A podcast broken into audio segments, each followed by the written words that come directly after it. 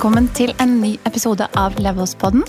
Jeg er Rebekka, alle sammen med meg så har jeg min faste cohost Emilie. Hei, hei. Du Emilie, i dag, som alltid, Ja. hver onsdag, så har vi et nytt og spennende tema. Det har vi. I dag skal vi snakke litt om hvordan man går fra å være altså alt mulig person i et selskap til å faktisk være eier. Fordi det er en ganske stor endring der, Mm. som vi har vært igjennom, er igjennom, og som jeg tror er veldig viktig for å skape en bærekraftig altså bedrift og kunne, eller varemerke. Og jeg tenker at dette gjelder enten om man driver for seg selv, Mm. eh, eller om man driver og bygger opp et selskap med flere ansatte, eller er mange ansatte. Og hvorfor er det viktig å skille på det og på en måte ta en posisjon hvor du går inn som mer en eier enn nødvendigvis en Kall det ansatt. Det som jeg tror er interessant med dette temaet, er at jeg føler at jeg har stått midt oppi to situasjoner samtidig, både i selskapet som meg og deg eier sammen, men òg i eh, prosjektene som Håvard og meg har når det kommer til å flippe eiendom. Så føler jeg at jeg har vært i identisk posisjon det siste året, og det har vært å være på en måte i et sånt, eh, et sånt punkt hvor vi skal vokse og ekspandere masse. Og for å gjøre det, så er vi helt avhengig av å være eiere først. Det vil si at selv om jeg og deg har sprunget rundt med tusen hatter, og vi har Altså, vi har jo hatt Beckert Styling, som er eh, hår- og makeup-stylister, som på en måte eh, jobber for oss. Og Ja. fordi at du kan de tingene, så har du òg eh, jobba som stylist i flere anledninger. Og selv om du kan det, så er jo liksom Bør du? Og det er jo de spørsmålene vi har stilt oss sjøl. At sånn, for at meg og deg skal lykkes, og for at Beckert skal gå fra å ha omsatt for eh, millioner i eh, 2022 til å forhåpentligvis omsette for ti millioner i år, så kan ikke du som eier bruke tiden din på å f.eks. være hårstylist, makeupartist, prosjektleder, eh, lagermedarbeider, eh, transportør, logistikkansvarlig, sosiale medieansvarlig. Du kan ikke, du må fokusere på de tingene som du gjør best. Og som eier av selskapet, så er tiden din absolutt best brukt med å skaffe nye kunder. Og, i, og jeg tenker jo, nå avbrøt jeg deg litt her, men også ikke nødvendigvis bare det man gjør best. Fordi altså så jeg kan fint vaske gulv, jeg er godt. Ja. Men det er en enkel oppgave å sette det bort, eksempel. Eller kjøring, da. Um, det er ikke at ikke du kan det, men det du bør ikke gjøre det. ikke gjøre det. Og det tror jeg er liksom forskjellen. At sånn, veldig mange folk tenker sånn Ok, når jeg blir millionær, så skal jeg ha vaskedame, jeg skal ha um, assistent, jeg skal ha sjåfør, bla, bla, bla. Mm. Jeg tror at måten man kommer seg til det punktet, er med å outsource. Ikke at du blir millionær av å ha personlig trener eller å ha kokk eller å ha personlig assistent, men jeg tror det øyeblikket du velger å outsource ting som du kan gjøre, men som du ikke bør gjøre, er det øyeblikket du har virkelig muligheten til å tjene mye penger. At selv om et lite enkeltmannsforetak eller et AS kan gjøre regnskapet sitt sjøl, det øyeblikket du er sånn, vet du hva, jeg skal outsource eh, regnskap, eh, lønnskjøringer, forsikring, eh, logistikk, transport, eh, varetellinger, hva enn det er, da er det du virkelig klar for å tjene mye penger. Og det tror jeg vi har vært. At vi er på et punkt hvor vi er nødt til å sette ut de tingene som ja, vi kan gjøre, men som vi ikke bør gjøre.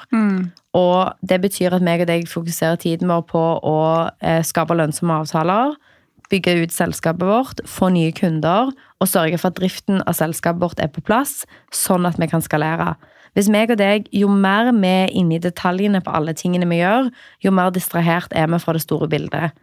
Da er det kanskje umulig for oss å gå fra Si at vi klarer å nå 10 millioner i år, da. Da er det umulig for oss å doble igjen til 20 millioner i 2024. Ja. Fordi at vi er totalt investert i små detaljer som ikke er essensielle for driften av selskapet vårt. Og Nei. det er liksom det er en av de største fallgruvene som gründer man kan havne inn i.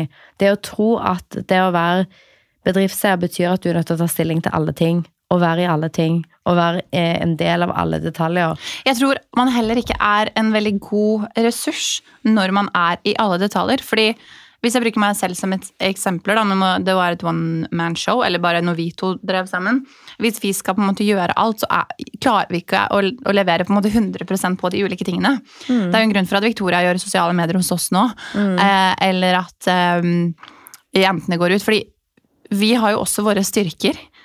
Du er 100 eh, bedre på noen ting enn andre. Og på en måte også der jeg bruker ressurser der de er best, også som sin egen del. da.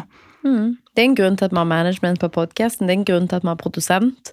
Det er en grunn til at vi, hvis vi trenger klipping på podkasten, at vi har det. Det er klart at meg og deg hadde sikkert på en eller annen måte klart å klippe denne podden. Er det god bruk av vår tid? Jeg tror Nei. ikke podden hadde kommet ut hver uke hvis det var opp til meg og deg å klippe det, for eksempel. Det hadde kommet ut ti episoder i desember når man hadde fått en sånn rush for å gjøre det. Ja, Og så blitt én igjen i juni.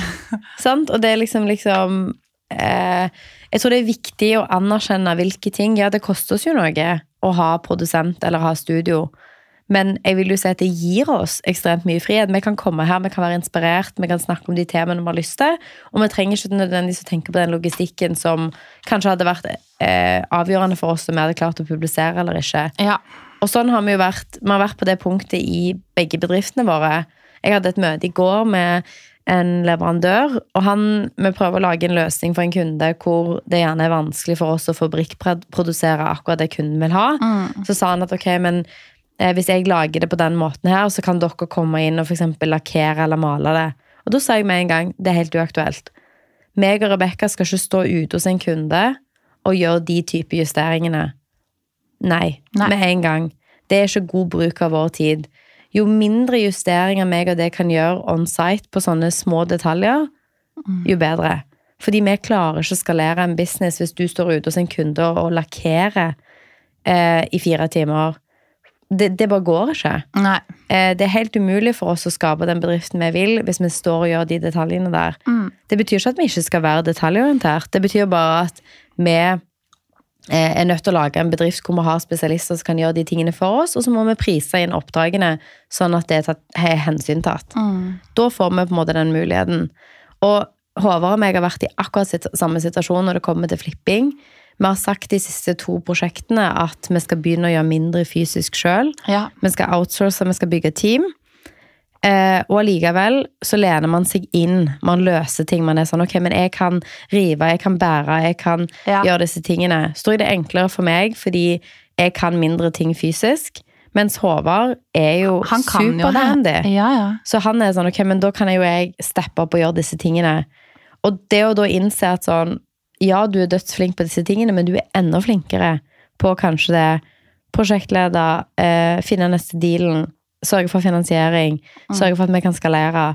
Og det er jo der vi kommer til å tjene penger. Ja. Det å fysisk slite deg ut med å gjøre ett prosjekt i året, hvor du gjør så mye du overhodet kan for å spare noen hundre tusen på oppussing, ja.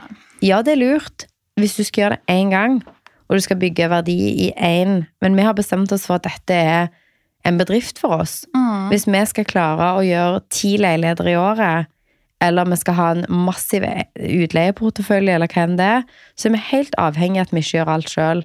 Det er liksom den tingen som du skyter deg sjøl mest i foten med å gjøre ja. at sånn, det å òg for oss som bedriftseiere, og for meg og Håvard som driver med dette prosjektet, det at når vårt team kommer og ser oss, så skal vi være, om det er i flippebedriften, så skal meg og Håvard være eieren, investoren. Ting går til helvete når du pusser opp. Det er masse ting sånn Oi, plutselig så røyk vi på det. Å nei, noen må ut til Alnabru og kjøpe den tingen. Noen må fikse det og det. Å nei, nå må noen komme. Det jeg har prøvd veldig aktivt på nå, er å lene meg ut når de tingene skjer. ja og heller ha overordna ansvar. Ha overordna ansvar, fordi at da lener spesialisten seg inn. Yes. Da er det sånn at hvis det skjer, da sier teamet mitt ok, planen er sånn, sånn og sånn, jeg fikser det sånn og sånn, tidslinjen er nå dette. Eh, og hvis jeg stepper inn og er sånn du, jeg dropper alt jeg har i hendene nå, og så leier jeg meg en hyrebil, og så kjører jeg ut der, og så bare dropper jeg alt jeg hadde på planen i dag, og så kommer jeg tilbake igjen, og så er vi on site.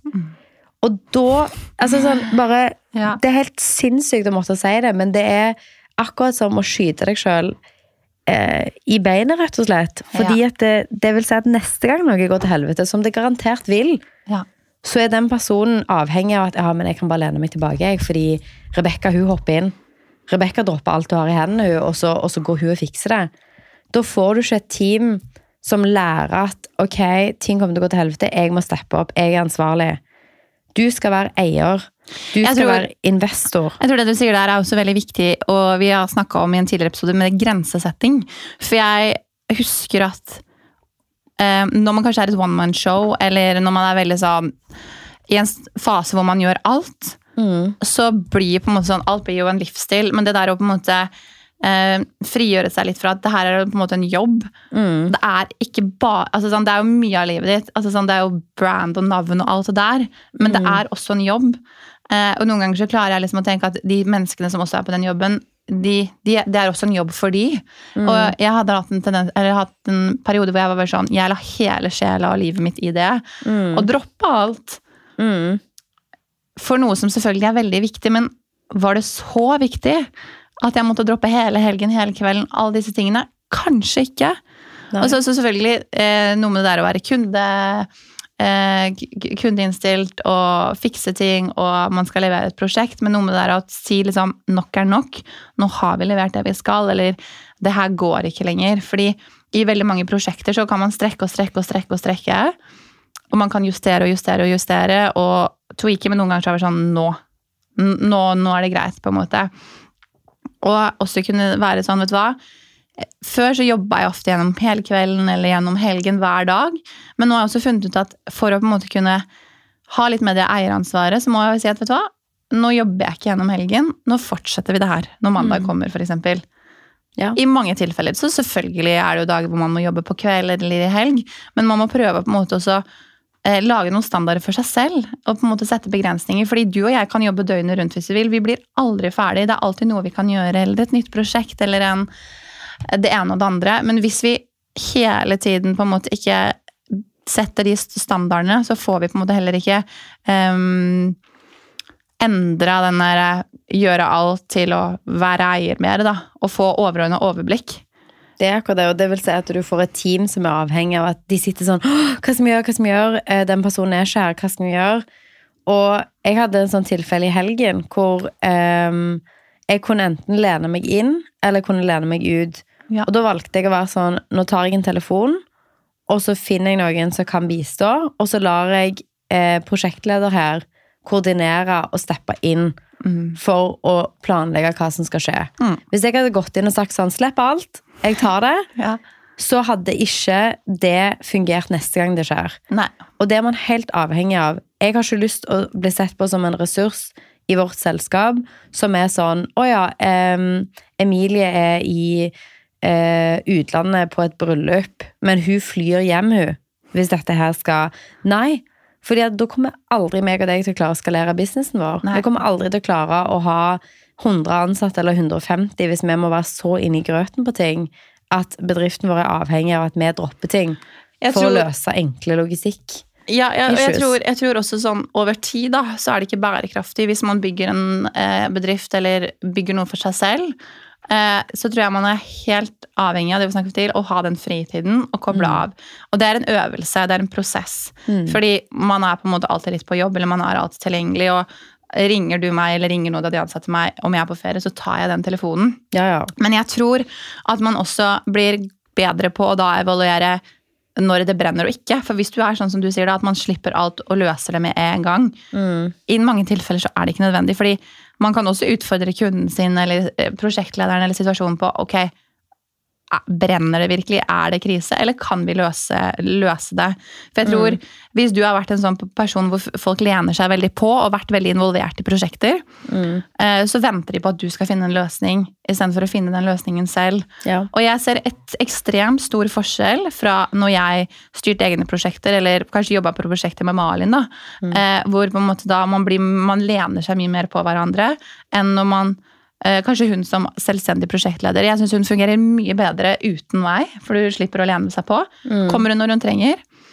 Um, og så tror jeg at da kan hun også komme, og så kan du få bistand eh, på det hun faktisk trenger hjelp til, Ja. enn at jeg skal være sånn du, Jeg kan kjøre til IKEA for å fikse det for deg, på en måte. Mm. Og så sier jeg sånn Det er jo ikke det at hvis Malin ringer og jeg er ute og kjører og jeg kan stoppe på butikken, så sier jeg jo ikke nei, fiks det selv. Man Mm. hjelper jo hverandre. Selvfølgelig. Men, men jeg tror ikke det, man skal gjøre det til en vane at jeg skal løse småproblemer for deg hele tiden. Nei. Fordi hvis du er en sånn som løser for f.eks. For, for håndverkerne dine, da, hvis eh, en, en maler bare sånn Du, jeg trenger malinger, jeg trenger pensler, og du skal stikke fra kontoret for å gjøre deres jobb. Og Det er jo helt uaktuelt. Det er helt sånn, uaktuelt. Og da er det sånn at jeg har mange folk som jeg syns er kjempeflinke, men som gjerne involverer meg for mye. Som, som, nå snakker jeg om i flipping og kanskje snekker og håndverkere, som kanskje er for komfortable med å spørre eller outsource deler av det de gjerne er betalt for å gjøre, tilbake til oss. Og sånn kan ikke jeg jobbe hvis Nei. jeg skal gjøre ti leieleder i året. Og det er stygt viktig, som vi har snakket om liksom sånn Hvordan er det man liksom endrer mindsettet? At sånn, ja, jeg kan gjøre disse tingene, men jeg bør ikke. Jeg bør bruke tiden min på Finn, finne nye objekter, snakke med megler om ting som ikke blir solgt, ringe folk som har ting ute, gå på visninger, snakke med banken om finansiering, få på plass sånn at vi kan gjøre vårt neste prosjekt, og egentlig sette i gang det. Eh, og jeg tror man òg undervurderer hvor ekstremt sliten man blir av å være konstant distrahert av småting. Ja. Da klarer man ikke å se det store bildet. Ja. Jeg har jo lyst til å få til enda større ting. Jeg har ikke lyst til å være stuck på den der stadiet hvor vi står og stanger og er sånn shit. Vi må outsource de fysiske tingene. Men jeg skal si- ikke. Jeg skal si en ting også, at eh, det kan jo virke litt sånn eh, når man har et team, da spesielt Vi har jo fått snakka med, eller hørt fra Malin og Victoria. Og jeg tror at for at vi også skal kunne tilrettelegge arbeidshverdagen deres bedre, Mm. eh, så må jo vi også sette av den tiden til å kunne gjøre det. Ja. Fordi hvis vi er 100 okkupert i prosjekter eller med timer, så har ikke vi muligheten til å være den lederen som de trenger Ja, at vi er. man har ikke mulighet til å liksom skaffe nytt kontor, skaffe firmabil, eh, ha forsikringsordninger på plass, ha liksom logistikk og systemer på plass, sånn at de kan ha eh, god timefordeling og god prosjektstyring og alle de andre tingene. Og det er jo superviktig hvis vi skal bli 10 ansatte eller 15 eller mer. Og det er jo liksom sånn, eh, som jeg tenker på også, sånn store eh, selskaper, corporate eh, systemer som har ansatt ulike avdelinger. Altså sånn for en, for en, på en måte, prosess de må ha vært for å på en måte, bygge den strukturen. Og man ser jo også sånn viktigheten til veldig mange ulike roller i selskaper. Og det tenker jeg jo til de som hører på podden her, som kanskje har en, en rolle i et selskap eller et større konsern, på en måte at ehm, det har krevd mye for noen å på en måte skape den eh, rollen eller den posisjonen, og at man er en så sykt viktig del av, av en organisasjon. Da, at den jobben man gjør, har faktisk en stor påvirkning, og man også i de rollene kan være med på å påvirke. Eh, og igjen, det eh, går jo tilbake til Malin og Victoria, som nå kan forholde seg til oss på en litt annen måte. De kan også komme med forslag, stille spørsmål, og vi har muligheten til å acte på disse tingene for at de skal få en bedre hverdag. Så jeg tror liksom sånn, det lønner seg ikke bare for oss å trekke seg mer ut, men det vil jo også på en måte lønne seg for de som jobber med det. Ja. Fordi eh, man har da muligheten til å få på plass systemer som funker. Ja, og det er jo kanskje liksom sånn Kanskje det er noe som gir en direkte kostnad med en gang. Det har vi sett i backyard, vi har sett det når vi holder på med flipping, at sånn Hvis du eksempel sier åh, men jeg kan jo gjøre dette. Jeg kan eh, være budbil og kjøre i to timer for å hente noe. Og så er det sånn, ja, du kan bruke fire timer i løpet av en arbeidsdag på å gjøre det, men du kan òg liksom si andre veien. Ok, dette er de tingene som kommer til å skje i et prosjekt. Jeg priser inn en budbil for å hente X og Y. Legger påslag på det, og legger det en del av avtalen. Da har du liksom safeguarda deg mot akkurat det. Og da er det sånn, ja, det koster penger for oss å ha en ekstern ressurs til å gjøre det. Vi kan, vi kan charge mer hvis vi gjør det inhouse, men vi kommer ikke til å klare å være et dobbelt eller tre ganger så stort selskap om tre år hvis vi skal gjøre de tingene sjøl. Det er betydelig bedre å ha på en måte et setup for hvor vi ikke gjør de tingene sjøl. Og sånn er det jo for Håvard og meg òg, at ja, vi kan total, altså, totaldemoe en hel leilighet og bære mange tonn med murstein og planker og drit og lort ned fire etasjer. Klarer vi fysisk å gjøre det om ti år, da er vi sikkert stuck på å gjøre én leilighet i året Ja. ennå. Ja. Men hvis vi klarer å få en god totalentreprenør som ja, de kommer til å ta kanskje 100 000 da, Ja. for, den, for det arbeidet. Men det betyr at Håvard og meg kan bruke de, den måneden det tar å rive på noe som er inntektsgivende, på en måte. Absolutt. Og det er liksom Jeg tror det er kjernen i alt. Det tror jeg òg. Og så tenker jeg sånn um, Man må jo også se litt, da. Uh, når man starter opp, eksempel sånn Er man i en startup akkurat starta en bedrift, så er man avhengig av å være kanskje one man show. Altså sånn, helt klart. Fordi du må, du må på en måte bygge denne bedriften. Men jeg tror også sånn, for dere som akkurat har startet opp eller er i prosessen, driver for seg selv, prøv å liksom lage en liksom tidslinje på liksom, når er det jeg kan begynne å frigjøre meg fra ulike ting. Jeg tror det du tenker deg med ok, men jeg slipper å kjøre ut her hvis jeg priser ut budbil.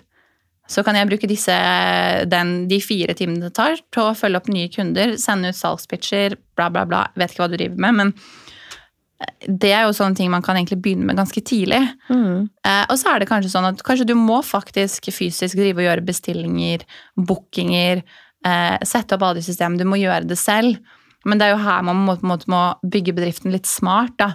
Så det er sånn der, Gå fra det å være eh, en altmulig-person til å være en eier, det er jo på en måte en prosess. Men jeg tror hvis man jobber smart, så kan man eh, gjøre den prosessen mye kortere.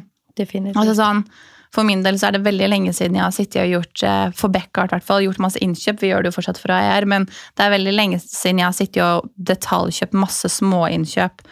Um, eller booka på altså sånn, Jeg har jo hatt mine prosjekter, jeg også, men det blir mindre og mindre av de tingene, da.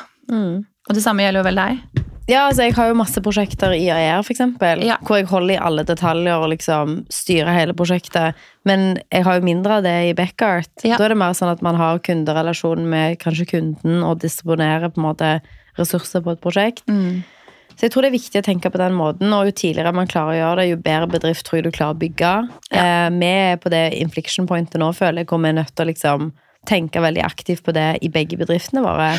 Fordi hvis du ser på konkurrentene våre, da, eller eventbyråer i Oslo som vi samarbeider med, det er jo veldig få av eierne i de selskapene som er involvert i daglig drift, og det er i hvert fall nesten ingen av de som er prosjektledere. Noen, få unntak, eh, men definitivt et større andel av de som er eiere. Og da tar man utbytte, man investerer i andre ting, man har bygd et team, man sitter gjerne i styret. Ja. Eh, og så må man spørre seg sjøl hva type hverdag er det vi vil ha om fem år eller om seks år. Ja. Vil vi bli ringt fordi at vi skal på Alnabru og handle noen småting? Ja. Eller vil man på en måte sitte som et styremedlem eller som en liksom Altså, man må tenke at den bedriften man bygger, bygger òg hverdagen man kommer til å ha ja. Absolutt. framover.